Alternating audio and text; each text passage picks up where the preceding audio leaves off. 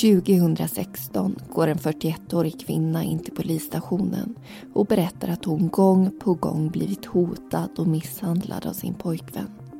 Hon har försökt lämna honom, men det går inte och nu vill hon ha hjälp. Annars är hon rädd att han gör verklighet av sina värsta hot. Han har misshandlat en person till döds förut och är säkert kapabel att göra det igen. Men kvinnan får inte den stöttningen hon hoppats på och känner att hon inte blir hörd. Förundersökningen läggs ner och några veckor senare ringer en man till SOS Alarm. Jag har slagit min flickvän och det har gått åt helvete.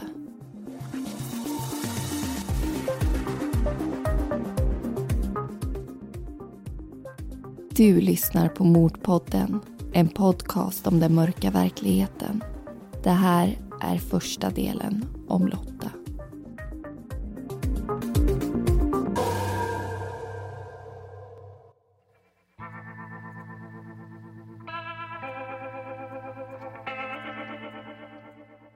Många drömmer om den stora kärleken. Den där som i sagornas värld kommer ridande på en vit häst och tar en med storm.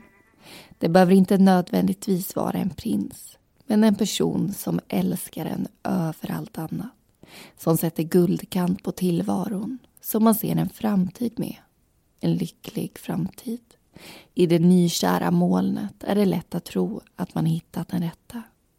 Där anstränger sig alla för att framhäva sina bästa sidor. Men alla människor har också sämre egenskaper som ofta smyger sig fram med tidens gång. Vissa mindre smickrande personlighetsdrag går att leva med, att acceptera. Men så finns det också personer med så mörka egenskaper att det inte finns något annat att göra än att fly. Problemet är att när man inser det kan det redan vara för sent. Destruktiva relationer är enkla att lämna på papper men desto svårare att lämna i verkligheten. Rädsla är en ständigt närvarande faktor. Rädslan för vad som skulle kunna hända om man lämnar och rädslan för vad som händer om man stannar. En ond spiral som håller en fången bland hot och våld. Idag ska vi berätta om ett fall där utgången blev den värsta tänkbara. Trots att både kvinnan själv och hennes närstående flera gånger ropade på hjälp. Året är 2016. Lotta är 41 år och bor i Stockholmsförorten Bromma i en lägenhet hon hyr av en väninna. Hon har en ganska tuff period bakom sig. En relation hon trodde på hade tagit slut och det tog hårt på henne. Lotta har en stark barnlängtan och den biologiska klockan ringer. Hon vet att chansen att bilda familj blir mindre och mindre ju längre tiden går. Men i februari blossar hoppet upp igen. Hon får kontakt med en ny man. Den här gången via Facebook i en grupp för personer som gillar träning. Träning spelar en oerhört stor roll i Lottas liv. Så det är ett stort plus att han verkar ha samma intresse. Mannen är 33 år gammal. Han är tatuerad och kroppshyddan enorm och muskulös. Inte alls den typen Lotta vanligtvis faller för. Men det är någonting med honom som inte kan få henne att låta bli att svara. Han är charmig, rolig och uppvaktar henne på ett sätt som hon inte är van vid. Runt alla hjärtans dag skickar han en stor bukett rosor.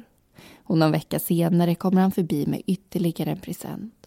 Hundra trisslotter som de skrapar tillsammans.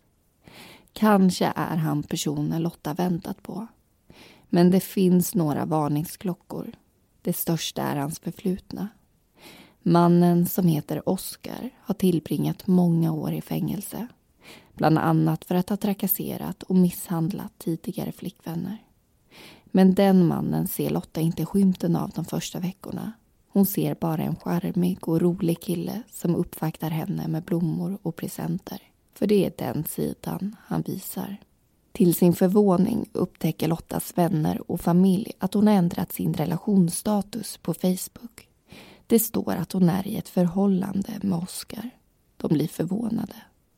När de ringer Lotta och frågar viftar hon bort det hela.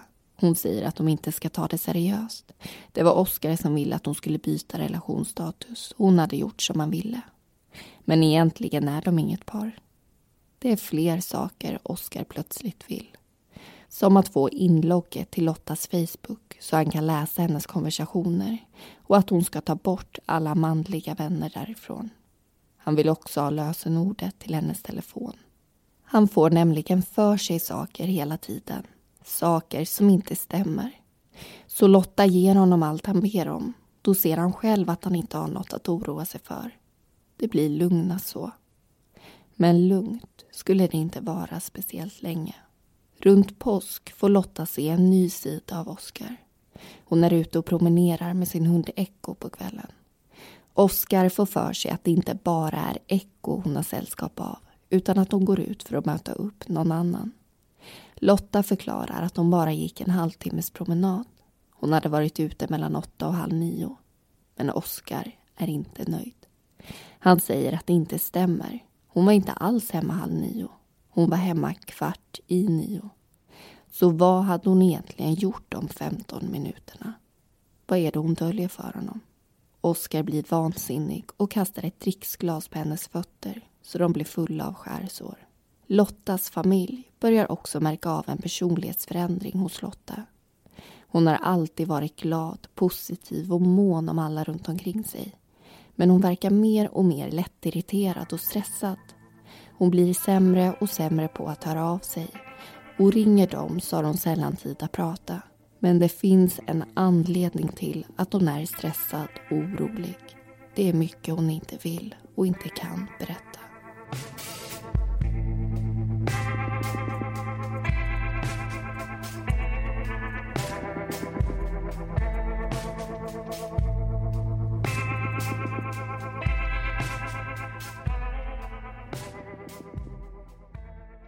Mm. Då har vi fått höra den första delen av det här avsnittet och det här fallet som vi alldeles strax ska gå in närmare på i diskussion.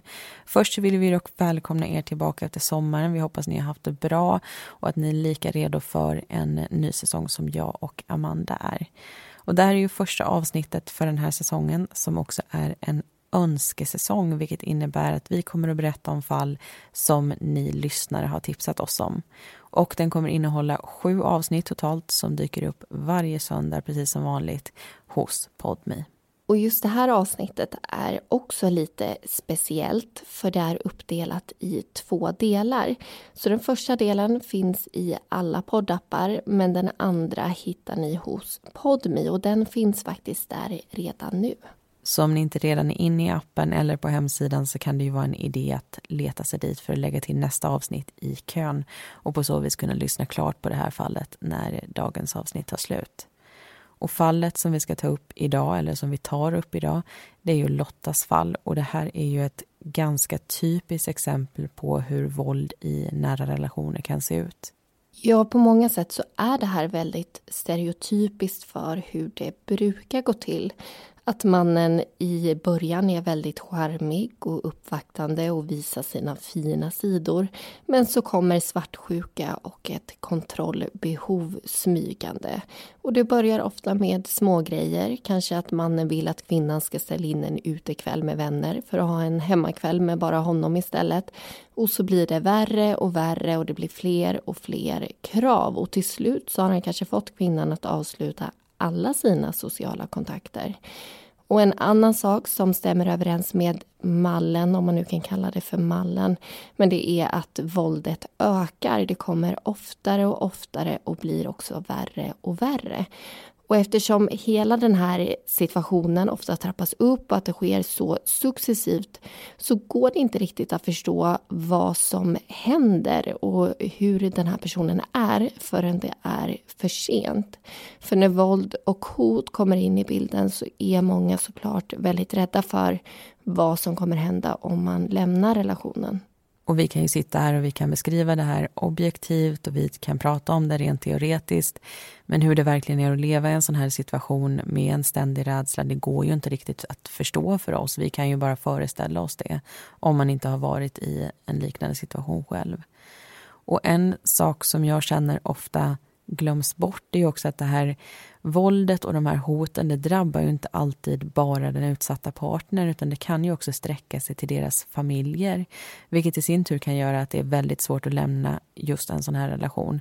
För man kanske själv känner att man kan ta konsekvenserna av ens handlande men man vill inte att andra ska drabbas så det blir ju lätt en ond cirkel som håller en kvar även om det också finns hjälp att få. Och man önskar ju att det som hände Lotta var ett undantag, men det är det ju tyvärr inte. Enligt Nationellt centrum för kvinnofrid så polisanmäldes 23 200 fall av misshandel av kvinnor över 18 år under 20. Are you ready to enhance your future in tech? Then it's time to make your move to the UK. The nation that has more tech unicorns than France, Germany, and Sweden combined. The nation that was third in the world to have a $1 trillion tech sector valuation. The nation where great talent comes together. Visit gov.uk forward slash great talent to see how you can work, live, and move to the UK. Where's that dust coming from? Still finding debris after vacuuming? Eufy X10 Pro Omni Robot Vacuum has 8,000 PA of powerful suction to remove debris deep in carpets. And it's totally hands free. Want to know more? Go to eufy.com. That's EUFY.com and discover X10 Pro Omni, the best in class all in one robot vacuum for only $799. 120. och i 80 procent av fallen så var kvinnan bekant med förövaren. Och 1530 fall av grov kvinnofridskränkning anmäldes. Och tyvärr så är också mörkertalet troligtvis väldigt stort. Man uppskattar att det är ungefär en fjärdedel av våldet som anmäls. Och det innebär ju att tre fjärdedelar inte gör det. Men alla är ju i behov av hjälp. Och dödsfallen blir av förklarliga skäl dokumenterade och enligt Brottsförebyggande rådet så konstaterades 17 fall av dödligt våld 2020 där offer och förövare hade en parrelation. Och det är ju 17 fall för mycket. Och enligt Nationellt centrum för kvinnofrid så visar ju forskning också att en viktig del i den här uppbrottsprocessen det är ju att den våldsutsatta inser att ansvaret för våldet det ligger hos förövaren. Det ligger alltså inte hos dem själva. Och det gäller ju att alla utomstående förstår det också, att det spelar ingen roll hur man som utsatt agerar. Om man lämnar, om man inte lämnar, om man går tillbaka till sin partner, om man gör som de säger, om man inte gör som de säger. Det är ju aldrig den utsattas fel att de befinner sig i den här situationen och ansvaret ska till 100% ligga på förövaren. Och om du utsätts för hot och våld eller känner någon som gör det och vill ha stöd och råd så kan du ringa Kvinnofridslinjen dygnet runt. Samtalet är helt gratis och syns inte heller på telefonräkningen. De är ett lyssnande öra men kan även vara en hjälpande hand. De har koll på vart man ska vända sig ytterligare för att få hjälp och kan informera om hur skyddande boenden, vården och Polismyndigheten fungerar. Och numret dit är 020 50 50 50. Och innan vi lyssnar vidare på berättelsen så ska vi också prata om Oskars kriminella förflutna. Lotta och Oskar de fick ju kontakt med varandra i februari 2016 och i oktober året innan så hade han blivit villkorligt frigiven från ett fängelsestraff som han hade avtjänat för bland annat våld mot sin dåvarande flickvän. Och hans brottsregister det är också längre än så. Han har dömts för våldsbrott väldigt många gånger och han har totalt tillbringat mer än tio år i fängelse. Och när han var 17 år så dömdes han för grov misshandel. Men på grund av sin unga ålder så blev påföljden inte fängelse utan sluten ungdomsvård i tre år. Under den tiden så gjorde han sig skyldig till våld mot tjänsteman i ett fall och misshandel i tre. Så innan han ens hunnit verkställa den slutna ungdomsvården så döms han alltså till ett års fängelse. Och redan åtta månader efter den domen så begår han nya våldsbrott. Ja, han misshandlar ju återigen en person grovt och han döms för det till åtta års fängelse. Och efter domen så avlider faktiskt den här personen av de skador som har åsamkats. I september 2010 så blir Oscar villkorligt frigiven men han återfaller i misshandel redan i slutet av april 2011. Och därefter så begår han en normalgradig misshandel vid tre olika tillfällen i slutet av sommaren 2011. Så det här är alltså ett mönster som bara fortsätter och fortsätter. Oscar hinner inte ens avtjäna sina straff förrän han begår nya våldsbrott. Och sammanfattningsvis så hamnar han alltså frekvent i våldsamma återfall. Och det handlar om allvarliga brott och många olika brottsoffer har drabbats av hans våld. Och med de orden så tycker jag att vi dyker tillbaka in i berättelsen.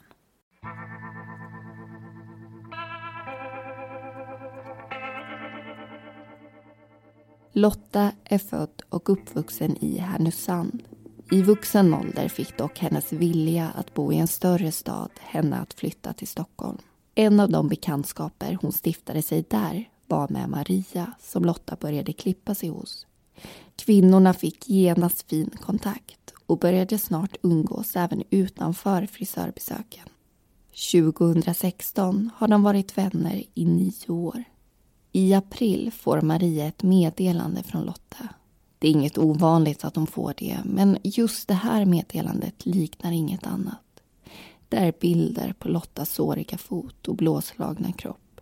Det står att Maria ska spara bilderna ifall det skulle hända Lotta något. Hon skickar detta till ytterligare några personer, bland annat sin syster. De får då veta vad det är som har pågått bakom stängda dörrar. Oskar har inte bara slagit Lotta. Han har också hotat att döda henne och att förstöra hennes ansikte så hon aldrig ska kunna få någon annan än honom. Lotta försäkrar att hon ska lämna honom. Men hon vill göra det på ett snyggt och taktiskt sätt.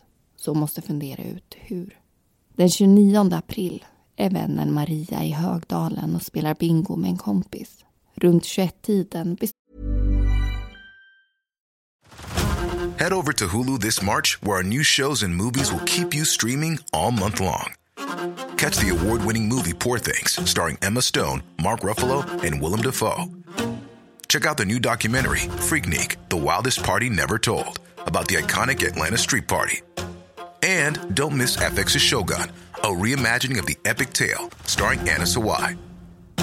So, what are you waiting for? Go stream something new on Hulu. gå hem. Men på vägen blir hon uppringd av Lotta som ber henne komma till Gullmarsplan. Maria orkar inte, men Lotta envisas och ringer igen. När Maria kommit hem ringer hennes telefon ytterligare en gång. Den här gången viskar Lotta. Hon säger försiktigt att Oskar säger att Maria inte är en bra kompis för Lotta och att han börjar visa aggressiva tendenser. Orden får vännen att inse allvaret och Maria skyndar dit. Paret befinner sig hos en kompis till Oskar. Klockan är snart kvart i tio. Maria häller upp ett glas vin. Men mycket mer än så hinner hon inte innan Oskar och Lotta börjar bråka. Oskar har fått för sig att Lotta flörtar med hans kompis. Lotta börjar gulla med Oskar för att lugna honom, men det får motsatt effekt. Han reser sig häftigt upp och säger att han ska dra. Lotta följer efter. De är borta i ungefär 20 minuter. Maria frågar Oskars kompis hur väl han känner Lottas pojkvän. Kompisen vill inte riktigt svara. Han säger bara att de tränar ihop.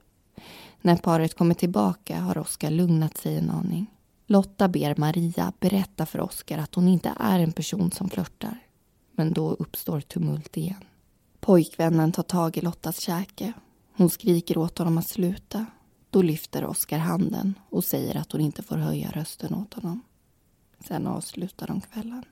I slutet av april slår Oskar Lotta så hårt att hon ramlar ihop av smärta. Revbenen gör mest ont och smärtan vill inte gå över. Så när de är på semester i Enköping några dagar senare för att hälsa på Oskars mormor tvingas hon uppsöka läkare. Pojkvännen uppmanar henne att säga till sjukhuspersonalen att de blivit utsatt för ett rånförsök och blivit skadad i samband med det. Hon använder mycket riktigt hans uppdiktade ursäkt. Det visar sig att hon har flera frakturer på revbenen. Lotta skickar ett meddelande till Maria där hon skriver att hon är på sjukhuset. Lite senare ringer hon upp och berättar att Oskar krossat två revben på henne. Hon hade först inte tänkt att åka in till sjukhuset men smärtan hade gjort det svårt att andas. Det finns en till man som har en stor roll i Lottas liv. Hennes ex Lasse. De hade varit tillsammans i nästan 20 år. Deras kärleksförhållande tog slut, men inte deras vänskap. De fortsätter ha stadig kontakt och delar även vårdnaden av deras hund Echo. I början av maj ringer Lotta till Lasse. Det hörs direkt att hon är rädd. Hon förklarar att hon har träffat en man och ber honom lyssna noga. Den här mannen är nu på väg hem till henne för att döda henne. Lotta ber samtidigt Lasse att inte åka dit. Hon är rädd att Oskar i så fall även kommer göra honom illa. Men Lasse tvekar inte. Han åker. När han öppnar dörren ser han Oskar som står och skriker. Hunden Echo kommer springande till Lasse som är chockad. Oskar är arg för att Lotta ringt till exet. Lasse försöker rädda situationen och säger att han bara är där för att hämta hunden. Oskar skriker att Lotta har kört ett dubbelspel och att han ska ringa sina kompisar och be dem gräva ner henne i skogen. Han tar upp sin telefon och fejkar ett samtal. Lotta ber honom ta det lugnt och försäkrar att Lasse inte gjort något fel. Lasse, som förstår allvaret i situationen, ringer 112 och ber att få en polis till platsen. Efter två, tre minuter hörs sirener och Oskar springer därifrån. Lotta går in till sig och Lasse åker hem. På kvällen ringer hon och är förtvivlad över det som hänt. Från den dagen pratar Lotta och Lasse dagligen med varandra. Hon försäkrar honom om att hon inte längre pratar med Oskar. Hon svarar inte på hans meddelande och samtal. Hennes förhoppning är att han ska tröttna och att det hela ska rinna ut i sanden. Men det är inte helt sant. Den 12 maj skulle Lotta ringa ett samtal till sin syster som leder till att hon ringer SOS Alarm. Och den 25 maj skulle en ny gräns nås. En gräns som skulle få Lotta själv att höra av sig till polisen.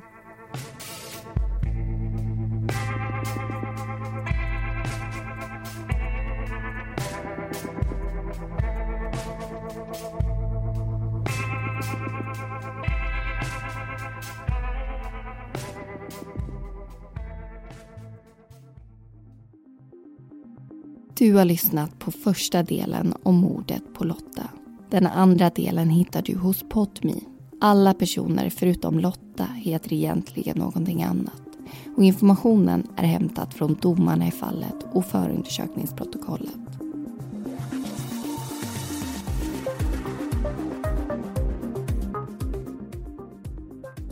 Du har lyssnat på Mordpodden vi som producerar podden heter Amanda Karlsson och Linnea Bolin.